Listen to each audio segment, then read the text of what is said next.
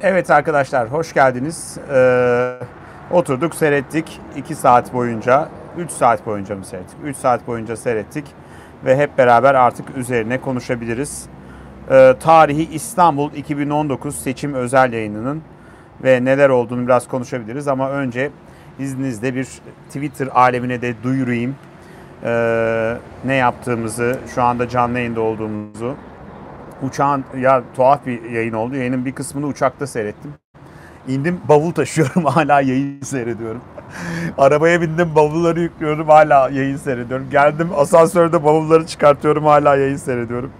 Yani Allah akıl fikir versin. Gazetecilik mesleğini seçecekler bir kez daha düşünsün. Evlatlarına, çoluğuna, çocuğuna önerecekler. Çok akıl kârı bir iş yapmıyoruz yani baksanıza. Ne işim var değil mi yani? Otur sonra bak işte yorumlarda ne diyor. Ona ne demiş, bu buna ne demiş diye. Niye? Çünkü bir gazetecilik heyecanından dolayı. iki e, memleketimizi seviyoruz. E, bir dakika seçim özel yayını, özel yayını şu anda canlı yayında yorumluyorum. Yazayım.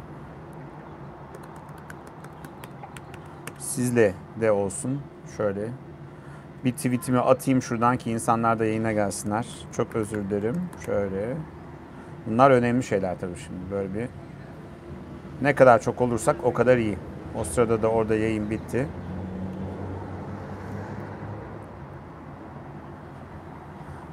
Şimdi en sonda söyleyeceğim en sonda söyleyeceğim mi en başta söyleyeyim mi? Hadi söyleyeyim. Şöyle diyebiliriz ki dağ fare doğurdu. Neydi o dağ? Beklenen dağ neydi?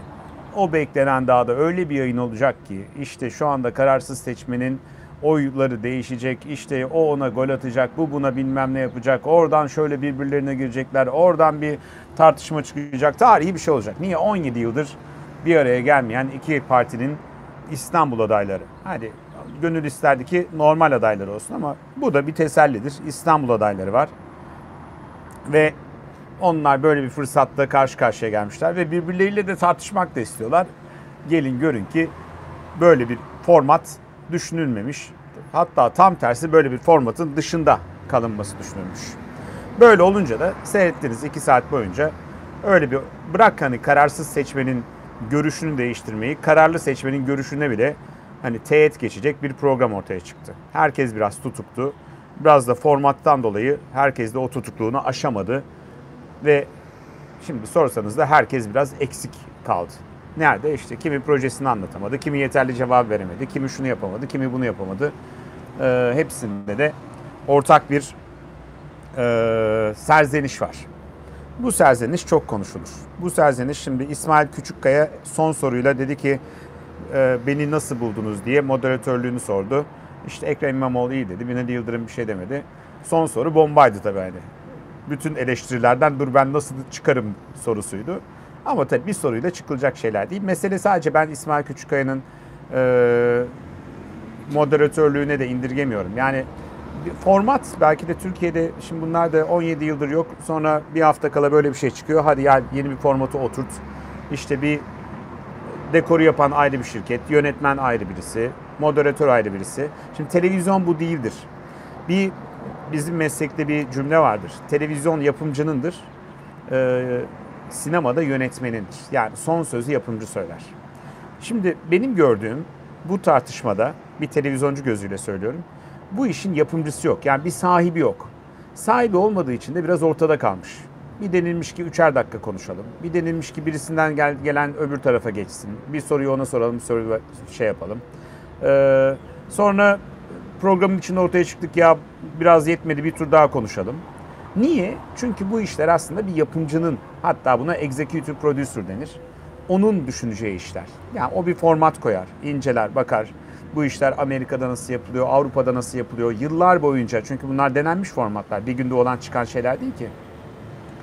Yani dekorundan süre takıntısına hatta rejisine kadar problem vardı. Niye? Normal şartlarda mesela Şimdi bu İsmail nerede zorlandı? 3 dakika bitiyor. O da haksızlık yapmamak için uyarmak zorunda kalıyor. Diyor ki ya bitti, bitmedi, bitti, bitmedi. Bu kakafoniyle geçti programın yarısı. Oysa çok basit bir şey var yani. Dersin ki 3 dakika şeyini koyarsın onların şeyine ekrana. Konuşmaya başladığında geri saymaya başlar. Bittiğinde de o eksiğe doğru gider. Bu bir baskı oluşturur. Konuşanın üzerinde bir baskı oluşturur. Ama siz bunu yapmazsanız o zaman bütün şey moderatöre kalır. Moderatör da kendi içinde aman ben bir haksızlık yapmayayım telaşını yaşıyorsa bu tür bence karşılıklı tartışma programı ayrı bir şey bakın. Bunu yönetmek ayrı bir şey. Ee, burada çok tecrübeli değilse bu tür kakafoniye de meydan verebilir. Çünkü birisiyle konuşmak başka bir iş. O da zor bir iş. Yani birisini açmak, konuşmak. Ama bu tür canlı yayın e, tartışmalarını modere etmek ayrı bir iş. Hem yapımcıyla, programın formatıyla, sunumuyla, içeriğiyle biraz daha farklı tasarlanması gerekiyordu. Mesela oturuyorlar. Niye oturuyorlar abi? Oturma mı kaldı yani şimdi? Ya kalksınlar. iki Üstelik de bak ben bunda Fox ekibinin de çok fazla dahil olduğuna inanmıyorum. Fox'un siz ana haberine bakın ya da sabah haberlerine bakın. Sunucuları zaten ayaktalar. Ayakta sunuyorlar haberi yani. Seçim yayınlarını ayakta sunuyorlar. Yani bunun dinamik olduğunu, daha farklı bir şey getirdiğini farkındalar. Ama işte çok fazla bu işler e, parti temsilcilerine teslim edilince bence dışarıdan gördüğüm kadarıyla bir de bu konularda çok tecrübesi olmayan bir televizyon ekibi işin içine girince işte 90 model bir tartışma programı çıktı. Al bunu koy yani 80'ler 90'lara her şeyle öyle bir program çıktı. Oturttuğun an e, o saati koymadığın an dinamizmi düşürüyorsun zaten. Ve sonra tabii bir de şu var. Şimdi bizim televizyonculukta özellikle bu tür tartışma programlarında şu çok önemlidir. Bir soruyu sorarsın. Şimdi orada farkın çıkar yani. Anchorman'le sunucunun farkı şudur. Sunucu bir tane soruyu sorar. Karşısındaki bir şeyi cevap verir. Geçer öbür soruya. Oysa Anchorman sen ya da tecrübeli bir moderatörsen follow up sorusu diye bir şey vardır. Yani bir soruyu sorarsın. Yeterince cevap almazsan bir daha sorarsın. Hatta bir daha sorarsın. Hatta bir daha sorarsın. Yani benim mesela daha önce Sanayi Bakanı'na yapmıştım vardı. Zonguldak'ta maden kazası oldu. Beş defa falan sordum aynı soruyu. Sonunda yeter dedi. Ne soruyorsun dedi. Ben bu soruyu soruyorum. Gerildi falan böyle şeyde. Geçen gün mesela aynı şeyi burada e, Amerika seyahatine gitti. E, damadı. Trump'ın damadı. O da şey İngiltere seyahatine gitti damadı. Aynı soruyu beş defa sordu işte. Trump ırkçılık yapıyor mu, ırkçılık mı, değil mi, bilmem ne mi diye. Neyse yani bu follow up e, soruları da olmadı. İşte mesela siz biliyorum çoğunuz şeyi tartıştınız. Ya işte Binali Yıldırım'a neden Fethullah meselesini sormadı. Sonra da o kadar tepki geldi ki sordu. Yani bir art niyetle sordu, sormadığını düşünmüyorum ben orada hani. Ama farklı telaşlar var. Bir süre telaşıdır dayatılmış bu. Sürede süre, sürede süre. Ya geçsin 30 saniye geçsin ama cevabı duyulsun insanlar. Bu ne, neden yapılıyor bu tartışma? İnsanların birbirleriyle konuşabilmesi ve sorulara cevap vermesi için. Yoksa 3 dakikada ne varsa söyleyecekse o münazara olur yani. Münazara programları vardır. Vardır ya böyle bir fikir verirler 3 dakika içinde onu savunursun. Tersine çevirirler mesela. Şimdi haklıyken haksız savun, şimdi haksızken haklıyı savun gibi. Oysa bu öyle değil. Bu şimdi buradaki moderatörün görevi didiklemek ve almak. Yani o sorunun peşinden gitmek. Tabii üç tane burada follow up sorusu soramazsın ama iki tane sor sorabilirsin. Tabii bir de ee, ben tabii İsmail nasıl bir ekiple gitti bilmiyorum ama şimdi biz televizyona çıkan insanlara bakmayın yani. Biz de bakıyorsunuz abi. Bakıyorsun da beni görüyorsun. Şimdi burada ben tek başımayım. Burada bile mesela biz bu yayını e, burada Palo Alto'daki mühendis ekibiyle beraber herkes kendi şeyinden izledi ve WhatsApp grubunda konuştuk, tartıştık. Ne önemli, ne değil. Hala yazıyorlar bana şu anda. 60 tane mühendis. Şimdi mühendis gözüyle izledik bir de yani. Onlar çok farklı kafaları çalışıyor, farklı şeylere takılıyor. Onlara da geleceğim, birazdan anlatacağım. Ee, bu bir ekip işidir televizyonculuk. Şimdi orada İsmail'in eli ayağına dolaşıyor olabilir, farklı sıkıntıları olabilir, gerginlik olabilir ama arkasında kulağında olan ekip yani yapımcı arkadaşları, onlara da yapımcı denir. Editör arkadaşları aslında onu besler. Biraz beslediler. Mesela son dakikada bu şey sorusu e, Binali Yıldırım'a siz Fethullahçı şey Fethullah'la ilişkiniz var mı dedi. Yok dedi. İşte bir okulda kaldınız mı dedi. Aslında şimdi sosyal medyada dönen tartışma o değil ki. Dönen tartışma zaten AK Parti'nin işte zamanında e, Fethullah o zamanlarki cemaat şimdiki FETÖ'yle yakın ilişkisine bir gönderme var yani. O asıl o konuşulması gerek. Ya da ona kızıyorlar niye sormuyorsun bu ilişkiyi diye şimdi İmamoğlu'nu savunanlar. Orada da bilmiyorum ama dediğim gibi bu bize ders olsun. Kime ders olsun? Bütün Türkiye'ye, siyasetçisine de ders olsun. Çünkü herkes bildiği işi yapsın. Siyasetçi bildiği işi yapsınlar. Gelip orada yapımcının elini ayağına bir araya sokup dolandırıp moderatöre abuk şeyleri dayatıp işte herkes 3 dakika konuşacak. Herkes bilmem ne yapacak. Birbirleriyle tartışmayacaklar. Mesela ikinci, beşinci, altıncı artık kaçıncı diyorsanız abukluk. Ya niye tartışmasınlar abi? Elbette tartışacaklar. Zaten tartışmaya geldiler. Zaten ayrı ayrı kanallara gidiyorlar, konuşuyorlar, uzun uzun anlatıyorlar. Eğer bu insanlar birbirlerini eleştirmeyecekse, ya bir dakika sen böyle diyorsun ama böyle demeyecekse niye bir araya geldiler ki? Cidden niye geldiler yani? O zaman getirmeyeyim. Gelmesinler. Böyle bir tartışmaya, böyle bir programa gerek yok ki. Biri A haberde çıkıyor, öbürü B haberde çıkıyor. Zaten uzun uzun aynı şeyleri konuşuyorlar, anlatıyorlar yani baktığın zaman. En büyük bence e, korkulan, endişe duyulan şey buydu. Ya bu adamların zaten bir araya gelmesinin nedeni karşılıklı birbirleriyle konuşmasıydı. Bence mesela İsmail'i bir yerden eleştireceksek en çok eleştirilmesi gereken yer burası ama o da bir, şimdi bilmiyoruz ki arkasından ne tür tartışmalar olur. Çünkü program formatını iki tane milletvekili belirliyor. Bu şuna benziyor yani. Ben milletvekili olmadan gazeteciyim. E, gidiyorum. Bundan sonra parti il başkanları bunu yapsın demem gibi bir şey yani. Her işte her işi ehline bırakın abi. Bırakın televizyonculuğu en iyi bilen ekip yapsın. Mesele sadece moderatör değildir. Yönetmen. Şimdi yönetmen fena değildi. İsmail kendi yönetmenini getirmiş. Çünkü işte tabloları yakalamaya çalıştı. Hatta Binali Bey çok iyi gösteremedi bazı tabloları. Kameranın yerini değiştirdiler, almaya çalıştılar. İmamoğlu çalışmış. Eliyle tutuyor işte burada diyor.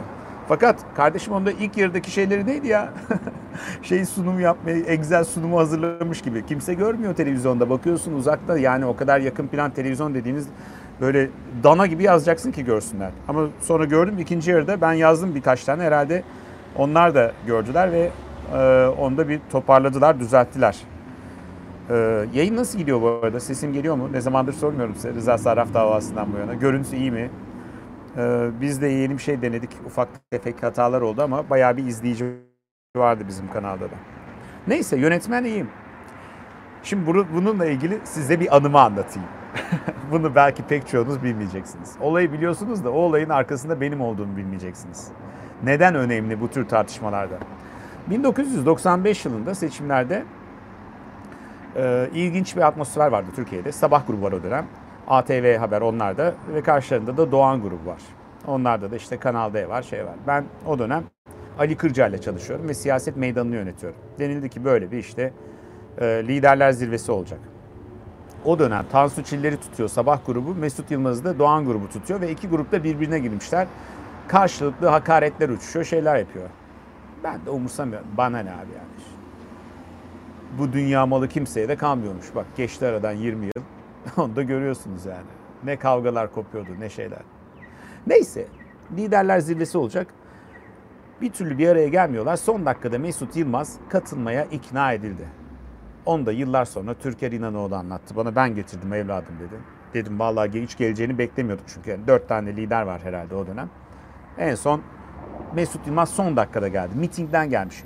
Üç tane miting yapmış falan. Son 3-4 gün. Tam net hatırlamıyorum. Tarihlerde, günlerde yanılıyor olabilirim. Geldiler. Tansu Çiller'le de nefret ediyorlar birbirlerine. Oturdular. Yine böyle bir oturmalı düzen. O yüzden diyorum. Her şey aynı. Bunun gibi bir düzen yani. Ee, oturdular. Masanın üzerine de kurabiye koymuşlar böyle. Kuru pasta. Hani ya kimse yemez de birisinin ne bileyim şekeri düşer, mekeri düşer. E, koymuşuz ekip olarak. Ben de programın yönetmeniyim. Ali Kırca da moderatörü. Ben şimdi farkında değilim.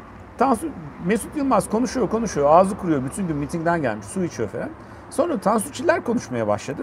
Fakat Mesut Yılmaz aç aç. adam aç.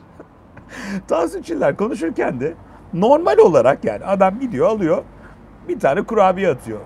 Aldır uldur yiyor oldu şimdi. Kendi sırası ona gelene kadar su içiyor. Şey, bayağı bir hızlandırmış bir akşam yemeğini götürüyor aslında Mesut Yılmaz. Ben de bir televizyoncu gözüyle çok ilgimi çekti yani. Bu liderler şeyinde yapılacak en son hareketlerden bir tanesi herhalde. Çünkü bakın bugün de herkes eline koluna hakim, dikkat ediyor. Binali Bey böyle durduk yere gülüyor falan böyle sempatik gülüşler fırlatıyor. İşte İmamoğlu böyle bir kendini tutuyor. ok yaydan fırlayabilir her an. Neyse ben dedim ki kameralardan bir tanesini Mesut Yılmaz'a dön dedim. Sabitle dedim. Mesut Yılmaz'a sabitledik. Tansu Çiller konuşuyor. Sen şöylesin siz böylesiniz.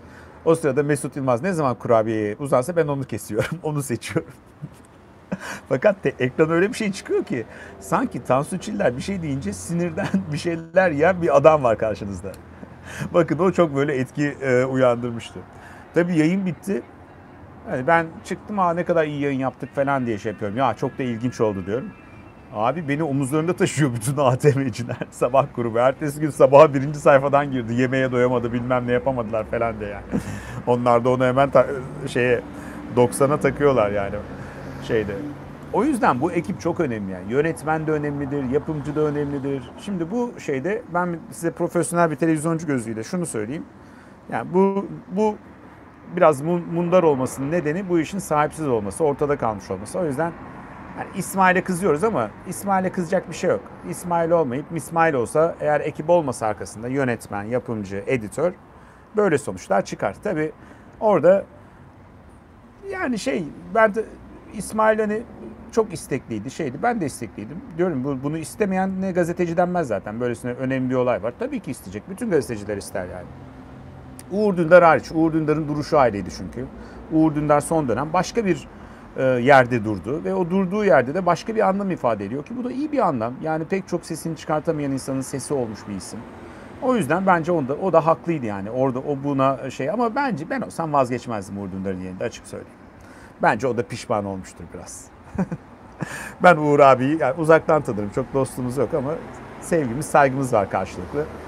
Biraz içinde kalmıştır yani. Çünkü diyorum ya bu televizyonculukta önemli bir şey yani. Televizyon gazeteciliğinde e, bence olması gereken şeylerden bir tanesi.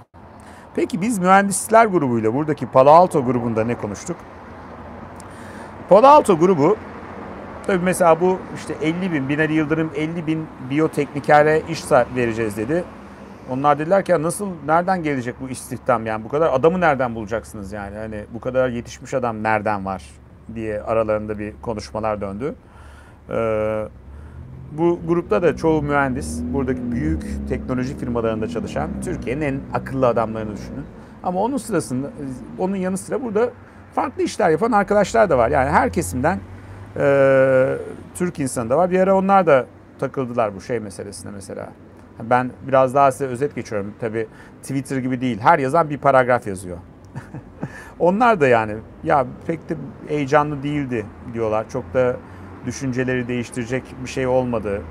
Hani böyle bir çok karar değiştirici bir e, şey e, çıkmadı ortaya diye konuşuyorlar. Kendi aralarında böyle bir muhabbet döndürüyorlar. Bir ara e, Binali Yıldırım'ın dili dolandı. Megabyte ile gigabyte'ı karıştırdı. Dediler ki ya neyse ki toparladı yoksa aradaki fark 1304 kat. Tabii e, şimdi mesela 10 GB dedi değil mi? Sonuçta 10 GB bedava vereceğim dedi. E, 10 GB önemli bir şey aslında. Çünkü günümüzün gençliği internet gençliği bakmayın yani. E, bir sürü insan mesela Netflix'i şu kadar film izleyecek dedi. Mesela böylesine indirgemesi bence bu akşam Binali Yıldırım'ın hanesine yazılan e, pozitif e, vaatler arasındaydı yani. Birebir indirgemesi. İsmail'i tebrik ederim.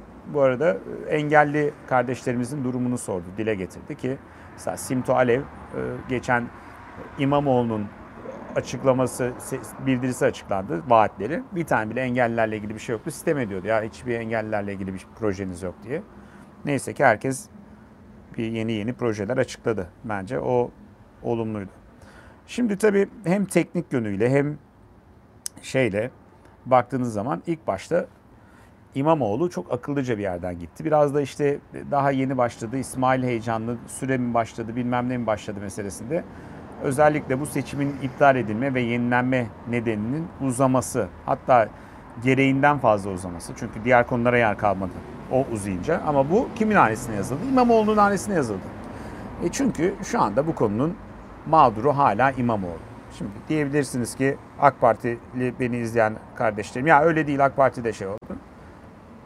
Öyle diyebilirsiniz ama sokaktaki e, karşılığında bence hala bunu yani kolay anlatılabilecek bir hikaye değil. Bir zarftan dört tane oy çıkıyor. Bir tanesinde hata var, diğer üçünde yok.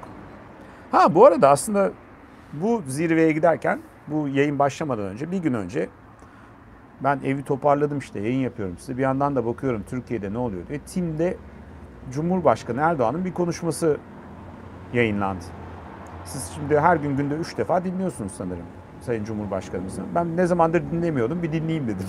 bir doyayım dedim şöyle. Habercilik yapıp eğer günde bir defa böyle Cumhurbaşkanı Erdoğan'ın e, konuşmasını dinlemeyince bir boşluk hissediyorsunuz hayatınızda. Ya bir şey eksik bir şey eksik. Erdoğan'ın konuşmasını dinlemedim. Orada çok ilginç bir şey dikkatimi çekti. İstanbul Belediye Başkanlığı başkanlığı seçimine değindi orada. Ve dedi ki bu dedi tamamen teferruat, bir vitrin şeyi bu dedi. Hiçbir e, icraya etkisi olmayacak bir durum dedi. Allah Allah dedim. Allah Allah Allah Allah. Şaşırdım. ya bir dakika ya. Abi seçim iptal edilmemiş miydi? Ne oluyor? Bir dakika şimdi vitrin şeyi için seçim mi iptal edilmişti? yani anladığım kadarıyla biraz Cumhurbaşkanı Erdoğan önümüzdeki hafta pek meydanlara çıkmayacak gibi bir izlenim edindim yani orada girdiğimde ee, şeyde ee, bu arada acayip bir e, izleyici sayısı var ve bu İmamoğlu ile Binali Yıldırım'ın işte FETÖ bağlantıları konuşuluyor, tartışılıyor, şey yapılıyor. Ee, o bayağı bir konuşuluyor ve şu anda da biz yaklaşık 30 bin kişi izliyor ya canlı yayında. Vay. Yani bir de sadece YouTube'da 30 bin kişi izliyor. Bunu, bunun paylaşımlarını düşünün. Ee, Twitter'ı var, Twitter'ı var. Bayağı bir şu anda haber kanalı kadar izleniyoruz. Neyse kafamı dağıtmayın Allah aşkına. Kenan mesaj atıyor. Abi 30 bin kişi var devam diye. Ee, onun dışında nasıldı? Ya bir kakafonide geçti yani. Tam birisi bir şey diyecek 10 saniye, 5 saniye, 20 saniye. Söyle ya ne diyeceksin yani.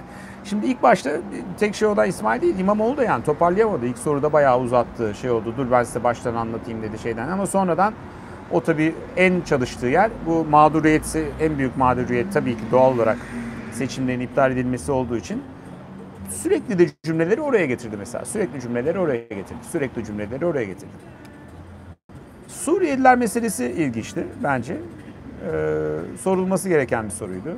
Ama yani gençler için ne yapacaksınız? Kadınlar için ne yapacaksınız? Şimdi bin tane sorun var artık. Gençler için çok genel laflar. Zaman kaybı yani. Bilmiyorum ben öyle gördüm. Siz nasıl gördünüz bilmiyorum. Kadınlar için ne yapacaksınız? Yani daha somut. Daha böyle ben olsam daha somut sorardım. Gençleri daha yani ne, ne hangi gençler? Ne, neyisini, nesini soracaksın? Yani şey gibi neden güldürü, neden komedi gibi bir şey bu yani. bilmiyorum bana öyle geliyor yani. Onlar biraz havada kaldı yani. Bu yüzden söylüyorum. Şey için söylemiyorum hani. E şimdi tabii ben mesela bu FETÖ meselesinde Binali Yıldırım suçladı mı İmamoğlu'nu FETÖ ile ilgili herhangi bir şey söyledi mi? Ben zannetmiyorum yani belki ben mi kaçırdım hani bir ara bir çocuk çocuk iPad'ine şifreyi giriyordum eve girdim o sırada mı kaçırdım? E demişse tuhaf yani ben diyeceğini hiç zannetmiyorum çünkü yani Türkiye'de özellikle AK Parti'de hani yıllar yıllar yıllarca yani bir şekilde FETÖ'yle işte Türkçe olimpiyatlarından bilmem nereye kadar hani soruyor ya orada siz hiç FETÖ'yü gördünüz mü? Görse ne olur görmese ne olur ya yani bu, görmek demek yani illa fiziken görmeye gerek yok yani hani. Git Türkçe olimpiyatlarında görüyorsun görüyordun yani hani. Neyse yani onlar da tabii şey şimdi böyle bir diyorum ya havada kalıyor bunlar şimdi. Hiç gördünüz mü? Görmedim. Hadi geçelim şimdi başka soruya. Bir dakika yani o zaman. E şimdi bunlar var. İmamoğlu sen FETÖ'nün okullarında kaldın mı? O da şey yani hadi. Bilmiyorum çok bana e, biraz havada kalan sorular gibi geliyor. Şöyle bir size de bakayım. Cüneyt Özdemir İsmail Küçükkaya'yı eleştirdi. Madem konuşturmayacaktınız diye haber yapmışlar. Eleştirdim ama şimdi biraz daha açıyorum. Sadece İsmail Küçükkaya değil, İsmail Küçükkaya'nın işine karışan siyasetçileri ve bütün bu programı iyi organize edemeyen bütün bu yayın akışını da şey yaptım. Ee, eleştirdim ki eleştirirken de derdim hani ben sunayım, ben sunmadım. Şimdi ben diyorum Kenan diyor ki abi böyle diyeceksin diyecekler ki bak o sunmadı o yüzden eleştiriyor. Dedim Kenan yani biz böyle şeyleri diyecekler diye susacaksak pardon hiçbir zaman hiçbir şeyi konuşmayalım o zaman yani. Zaten medyokrasi dediğiniz bu. Vasatın iktidarı. Herkes herkesin şeyini görüyor. Kimse kimseyi eleştirmiyor. Niye? Eleştirdiğin zaman düşmanı oluyor çünkü. Bakalım olacak mıyız? Dur bakalım. Önümüzdeki 2-3 ay bakın bakalım. İsmail bana çakıyor mu bir haber vasıtasıyla, bilmem ne vasıtasıyla. Eleştireceğiz tabii. Herkes herkes eleştirecek. Bu kadar şey mi yani? Her şey gözümüzün önünde bir şey var ama biz bize bir şey söylemeyelim. Niye? O gazeteci, e, o da bilmem ne. Öbürü öbürüne söylemesin. Sonra da Türkiye'de diyalog yok, kamplaşma var, bilmem ne var. Konuşacağız abi. Hakaret olmadığı sürece elbette kamuya mal olmuş bir şeyde hepimiz kalkacağız, konuşacağız, anlatacağız yani. Beğendiklerimizi, beğenmediklerimizi, sevdiklerimizi, sevmediklerimizi. Onun dışında benim dikkatimi çeken yani şöyle bir hani vardır ya köprüyü sattım sattırdım, satmam sattırırım, sattırırım sattırmam falan böyle tartışmalar pek olmadı yani şeyde. Ee, öyle bir meydan da yoktu. Ama gördüğüm kadarıyla bir çok öyle bir hani şapkadan bir tavşan çıkaran bir lider de olmadı. Hop çıkarttım ve şey yapalım. Bu dere yatakları meselesi ilginç bir tartışmaydı. Önemli bir tartışma. Çünkü abi dere yatağı diye bir şey kalmadı yani her yer doldurulduğu için. Ee, ve tabii ki Anadolu Ajansı meselesi. Şimdi Anadolu Ajansı da açıklama yaptı. Dedi ki seçim sonuçlarını Yüksek Seçim Kurulu veriyor. Şimdi Ekrem İmamoğlu yaşadığı bir olaydan haklı olarak dedi ki kardeşim Anadolu Ajansı'nı siz kontrol etmiyor musunuz? Binali Yıldırım da dedi ki ne münasebet işte bakanlarla o gün oraya geldiler mi? Gelebilirler konuşabilirim dedi.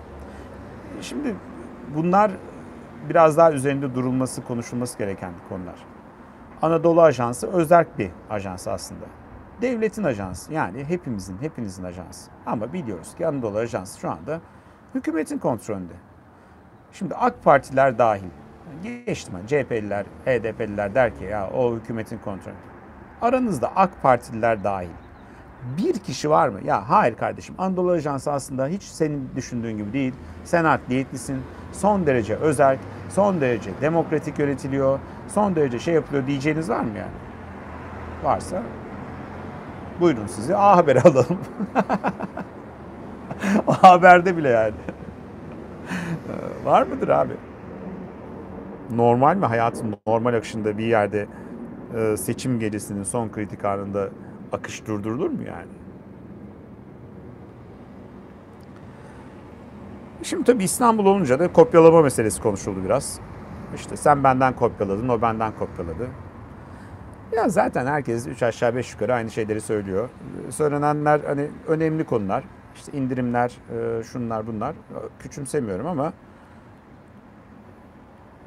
yani çok, çok da devrimsel konulardan bahsetmiyoruz. Hani vay anasına be şu anda mesela ben olsam ne yapardım biliyor musun? Bu teknik arkadaş, Palo Alto'daki arkadaşlara da soruyorum. Şunu yapamaz mıydık? Derdim ki İstanbul'da Wi-Fi ücretsiz olacak. Bütün İstanbul'da Wi-Fi'yi biz ücretsiz yapacağız. Çünkü bu bir demokrasiye katkı sağlayacak. İletişim artacak. İki, eğitime katkı sağlayacak. Çünkü insanlar birbirleriyle daha çok şey yapacaklar. YouTube videoları seyredecekler, eğitim videoları seyredecekler. Üç, şehrin eğlencesini yerine getirecek. Daha çok daha eğlenen bir şehir olacak. Daha farklı bir şehir olacak. Ee, dört, belki de Estonya'nın yaptığı gibi biz dijital bir şehir yaratacağız. Dijital bir şehrin temellerini atacağız burada. Mesela böyle bir şey desem belki derim ki vay be ilk kez duydum falan hani. Ha, olabilir mi? Böyle bir şey olabilir mi? Yazıyorlar bakayım arkadaşlar. Ee, başka bir şey tartışıyorlar. Belki de yani böyle bir şey en azından başlardım abi. Yani bir mahalleden başlardım. Hatta bu da böyle daha az gelişmiş bir mahalle. Yani Beyoğlu'ndan değil Bağcılar'dan başlardım. Ne bileyim daha arkalardan bir yerden başlardım yani. Şimdi ulaşım tabii çok ciddi bir problem. Bence Binali Yıldırım'ın hakkını verelim. Orada gayet e, iyi toparladı ama Ekrem İmamoğlu da çalışmıştı.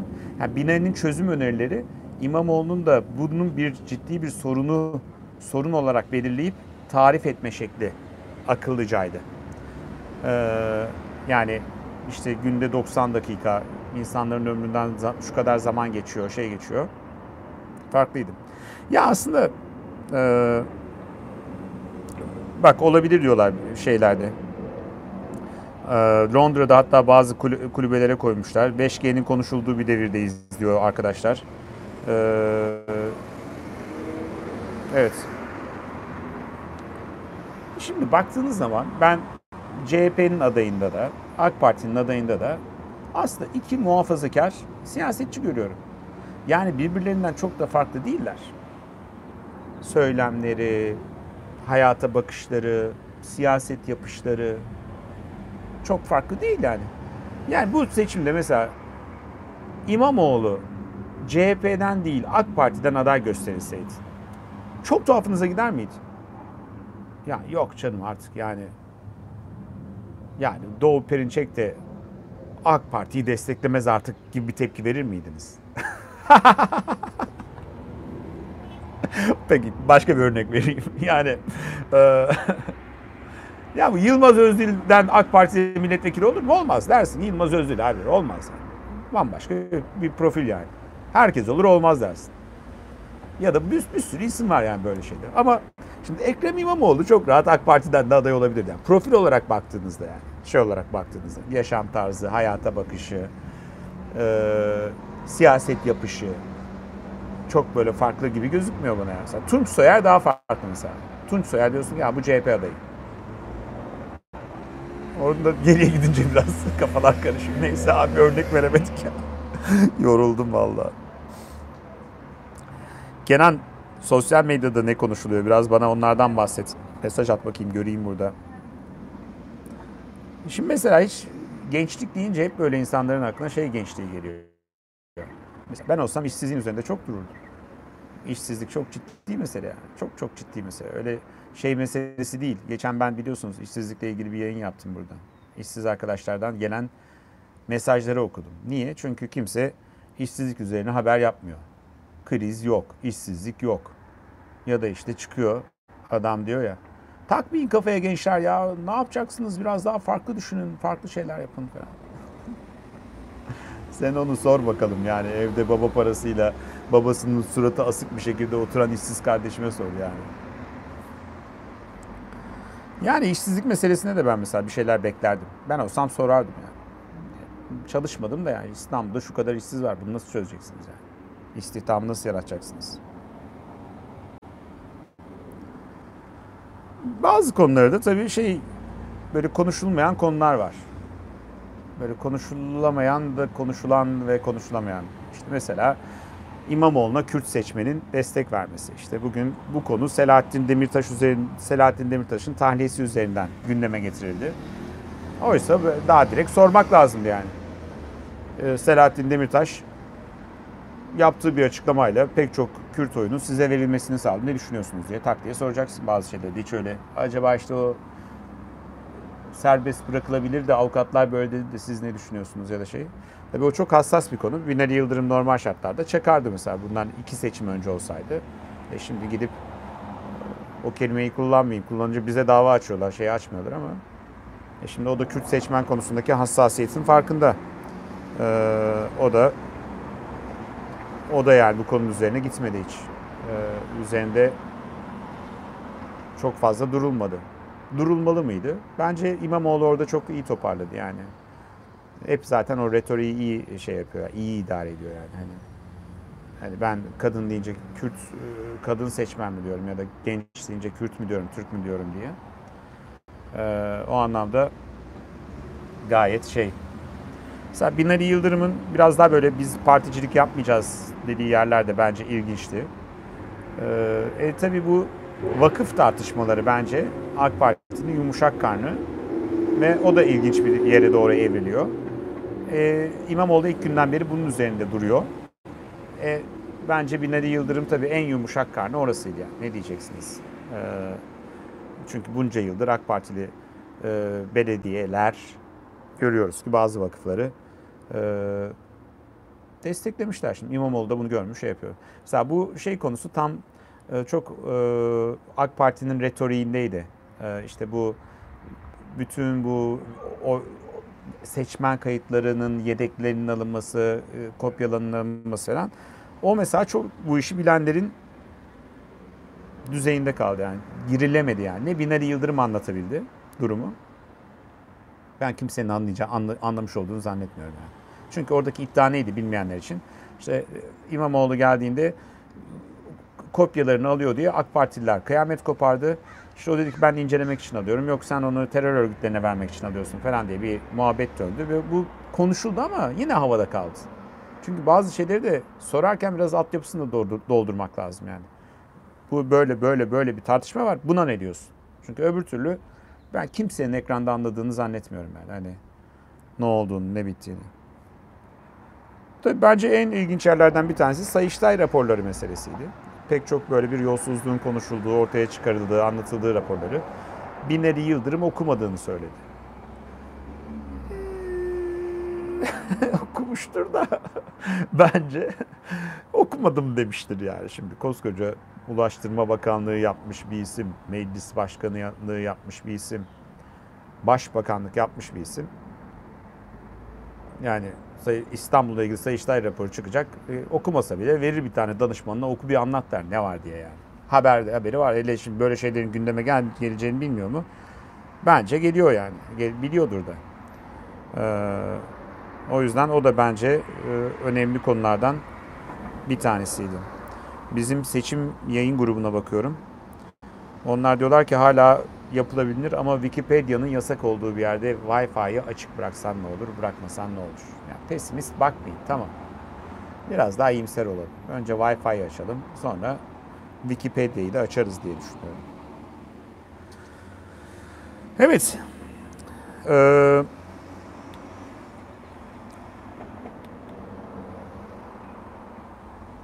Bu arada bak diyor ki birisi her gazeteci canlı Cüneyt Özdemir yayını izlemiş. Kendi yorumları gibi program hakkında yorum yapmaları da ayrı bir ironi.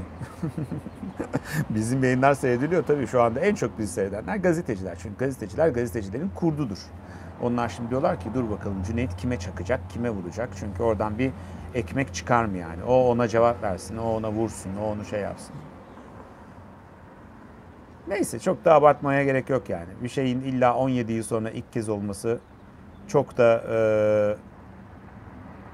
iyi olacağı ve hayırlara vesile olacağı anlamına gelmiyor. İçeriği nasıl yani? İçeriği boşsa bir şey olmayabilir yani. Öylesine gelmiş geçmiş hatta çok da iyi bir fırsat heba edilmiş olabilir.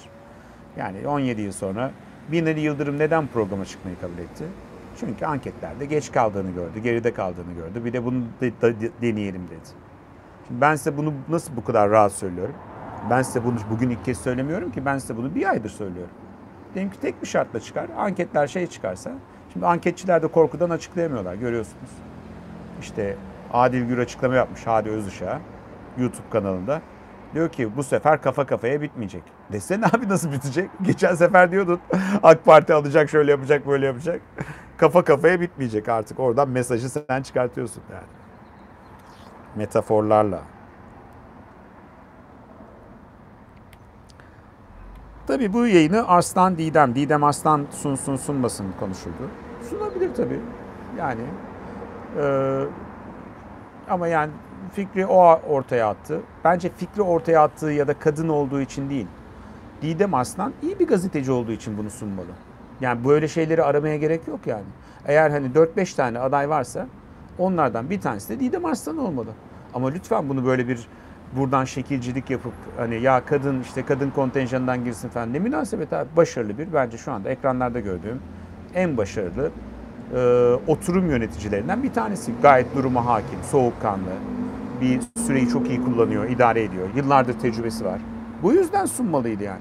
Yok hayır kadın kadınlar dayanışması olsunsun. Yok efendim ilk ortaya ya Tamam ilk at, atıp atmamız çok önemli değil. Çok orijinal bir şeyden bahsetmiyoruz Allah aşkına. Her seçimde herkes e, liderler bir araya gelsin der yani. Niye kimse söylemiyor artık? Çünkü artık kimsenin umudu kalmadı. Gelmiyorlar. Bir, e, herkes şaşırdı hatta geldikleri için. Niye? İşte o da benim dediğim nedenden dolayı. O yüzden o tartışmayı da artık doğru bir aksta götürmek gerekiyor yani. Bir defa kadının gazı yani kadın derken meslektaşımın gazeteciliğine helal getirmeyin yani. Ayıptır yani. Kadın olduğu için değil, iyi bir gazeteci olduğu için sunmalıydı yani şeyde.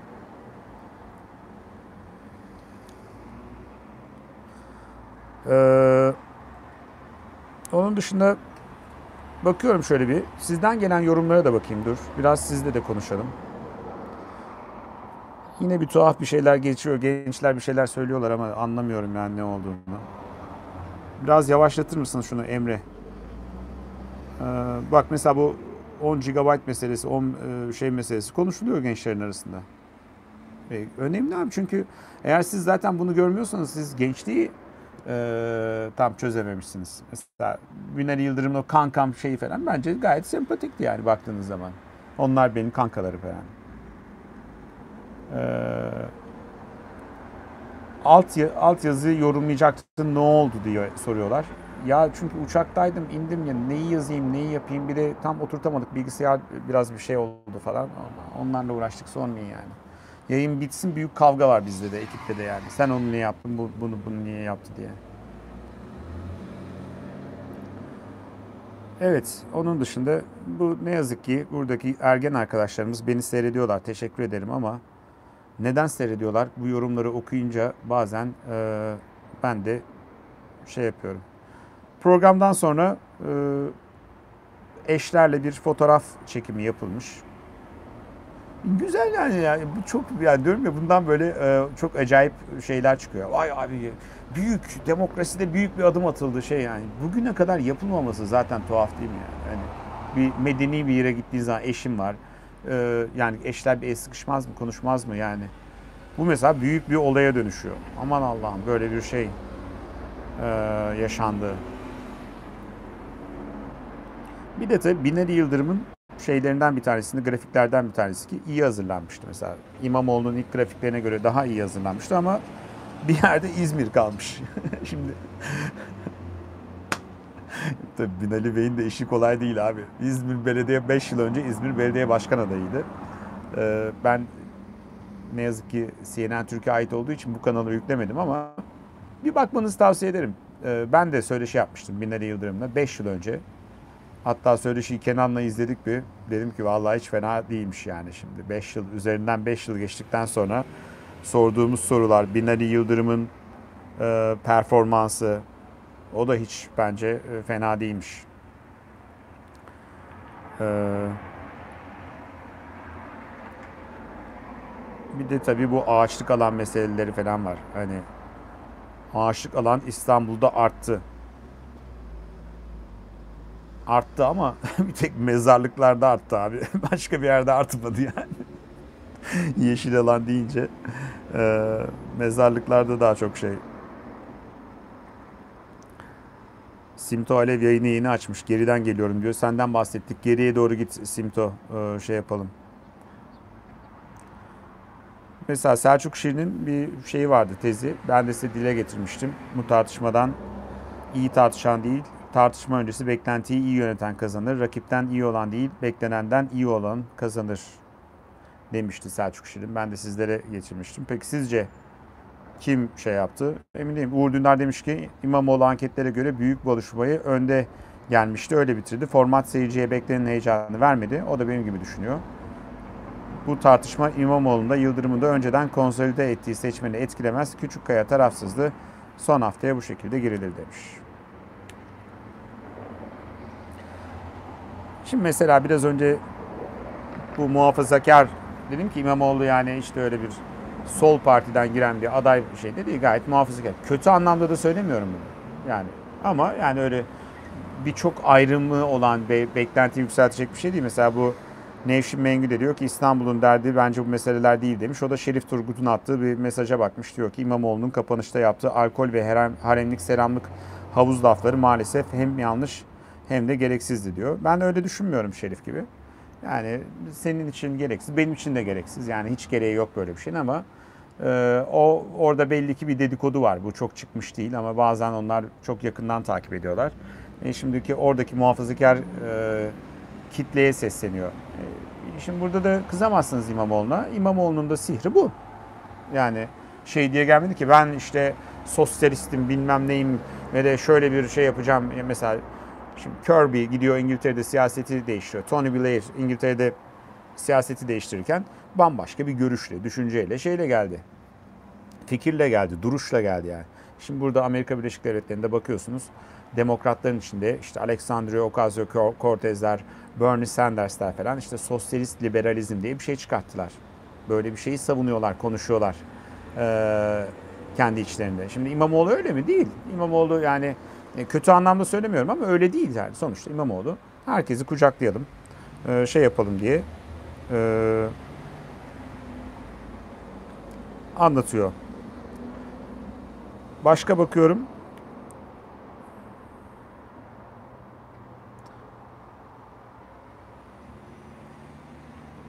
Evet. Herkes de genelde biraz vasat bulmuş. İşte birkaç tane tabii şey de var şu anda. Araştırmalar yapılmış. Ee, hep aynı şeyi okumayayım bakayım. Nagihan Alçı da bir açıklama yapmış. O da bu tartışma olmamalı falan gibi acayip bir telden gidiyordu. Ne yaptın? Sakin ol Nagihan falan diyesin vardı. Daha dinamik ve daha hareketli bir yayın olmalıydı. İstanbul'da birçok yerde sıkıldı bence. Beklediğim gibi olmadı. Son derece sıkıcı bir yayındı. Televizyonculuk açısından büyük başarısızlıktı. yakaladım diyorsun yani. İsmail'i yakaladım. Vurun İsmail'e.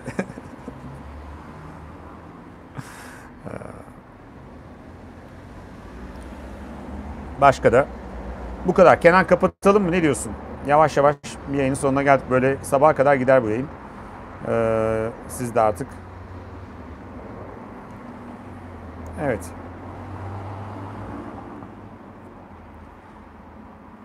Ekrem İmamoğlu Kenan bir not yollamış. Onunla kapatayım. Ekrem İmamoğlu yeniden seçim sürecinde iki stratejik hata yaptı. Bir gerilim tuzağına düştü. İki Binali Bey'in canlı yayın tuzağına düştü. Bu iş Binali Bey lehine şu anda bitmiştir. Hayırlı olsun diyor. Kim diyor bunu? Aydın Ünal. Eski Erdoğan'ın e, basın danışmanı. Ben metin yazarı. Yeni Şafak yazarıyım. Ben pek öyle olduğunu düşünmüyorum açık söyleyeyim. Yani bu tartışmanın çok fazla böyle bir Binali Yıldırım'ın büyük bir zaferiyle bitmiş bir tartışma. Ya da bir tartışma daha mı vardı? Paralel evrende bir tartışma daha gidiyor alt metinler.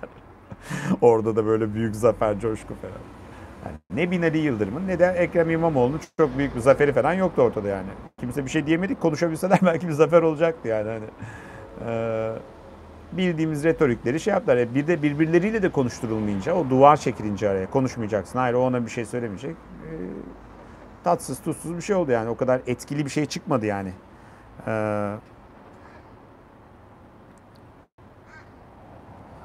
Mustafa Varank mesela şey yapmış. Moderatör adaylardan birine bravo mu dedi. Ben mi yanlış duydum diyor. Ya o canlı yayında olabilir o. Ona bakarsanız bin tane şey bulursunuz yani İsmail'in kapatırken ben başarılıyım değil mi diye sorması da tuhaftı yani. işte öyle değil de o öyle bir kelime geçti falan yani. Ya pek böyle şeyler olmuyor tabii şimdi bu tür tartışmaları biz izliyoruz böyle dünyada izlediğiniz zaman. Tabii Türkiye'de 17 yıl e, izlemeyip şey olduğu zaman artık o kadar da olur diyelim yani şeyde. E, e tabii şimdi genelde e, AK Parti tarafı kendisinin kazandığını düşünüyor. Canan Kaftancıoğlu, CHP İstanbul İl Başkanı programın sonuna yaklaşırken yıllar sonrasında böyle bir demokratik buluşmaya vesile olan Ekrem İmamoğlu ve gerekçesi ne olursa olsun daveti kabul eden Binali, Binali Yıldırım'ı kutlamak lazım. 16 milyon İstanbul'u böylelikle sahici ve sen bir şekilde kimin yöneteceğine daha kolay karar verir diye daha böyle bir kendi tarzıyla ortada bir şey yapmış. Açıklamada bulunmuş. Kenan'dan geliyor. Yolla Kenan. Zaten biliyorsunuz fotomontajda da e, daha önce başörtüsü takmışlardı. O da yakışmış demişti. Diyorum ya İstanbul CHP il başkanı ya yakışmış tabii bence de yakışmış güzel gözükmüş. Ama yani bütün şeyler aslında Türkiye'deki siyaset şu anda muhafazakar saflara gelme üzerinden e, şey yapıyor. Herkes o saflarda bir geliyor ve e, sıraya diziliyor. O zaman diyorlar ki tamam sen okey şimdi şey. Tabii bunun nedeni yıllar boyunca Türkiye siyasetinde muhafazakarlar belki de o kadar çok dayak yediler ki ee, bir türlü o normalleşme sağlanamıyor. Ki ortada bazen de çok fazla böyle bir anormalleşme oluşmuş olmasına rağmen herkes o sıraya geliyor. Orada o saflarda e, şey yapıyor. E, sıraya giriyor yani. Kendini orada gösteriyor, ifade ediyor. E şimdi mesela Ankara'nın CHP'li belediye başkanı da solcu diyemeyiz herhalde yani. Daha yani daha hani e, sağcı da demeyelim de daha milliyetçi görüşten gelen bir isim yani MHP'nin daha çok sahiplendiği, şey yaptığı ya da uygun gördüğü isimlerden bir tanesi e, baktığınız zaman. Peki arkadaşlar yapanların ellerine sağlık. Uğraşanların, emek verenlerin, çıkmayı kabul edenlerin, çıkanların ve seyredenlerin herkesin Ee, eline sağlık diyelim, elimize sağlık diyelim. İşte bu vesileyle de demokraside böyle güzel bir anı hep beraber yaşadık. Sevebiliriz, sevmeyebiliriz, eleştirebiliriz. Şu daha iyi olabilirdi diyebiliriz. Şunun yerine şu olsa diyebiliriz. Ya da ya şurada şunu deseydi de demeseydi falan. Ama bunların hiçbir önemi yok günün sonunda. Günün sonunda bir ülkenin eğlencesi, bir ülkenin normalleşmesi, bir ülkenin eee, belki de hep beraber kucaklaşması yani polarizasyonun biraz daha azalması bu tür yayınlarla da oluyor, olabiliyor. Eee, şimdi bu artık enformasyon çağında bir televizyon debate'ini yani bu tür buluşmaları ilginç kılan tek şey bence bana sorarsanız iki liderin karşılıklı tartışıyor olması. Yoksa onun dışında o kadar büyük bir enformasyon bombası, bombardımanı var ki. Yani ne bilmediğiniz ne söyleyecekler? Zaten bildiğiniz şeyleri söyleyeceklerdi. Olmadı. Belki bir dahakine olur ama bu da bunun ilk adımı olur belki de. Konuştu, konuşmakta fayda var. İnsanlar konuşa konuşa anlaşıyor. Biz de konuşa konuşa e, normalleşe normalleşe umarım günün birinde özlediğimiz Türkiye'yi hep beraber kavuşacağız. Beni izlediğiniz için teşekkür ederim. E, bu yayını likelayabiliyor muyuz? E, Likeliyorsanız likelayın. Abone olmadıysanız abone olun. E, ben de şimdi burada stüdyo bakacağım. Ondan sonra bu şu son birkaç günde de ilginç gelişmeleri biraz buradan anlatırım. E, anlatmaya çalışırım dilim döndüğünce. Beni izlediğiniz için teşekkür ederim. Hepinize iyi günler diliyorum.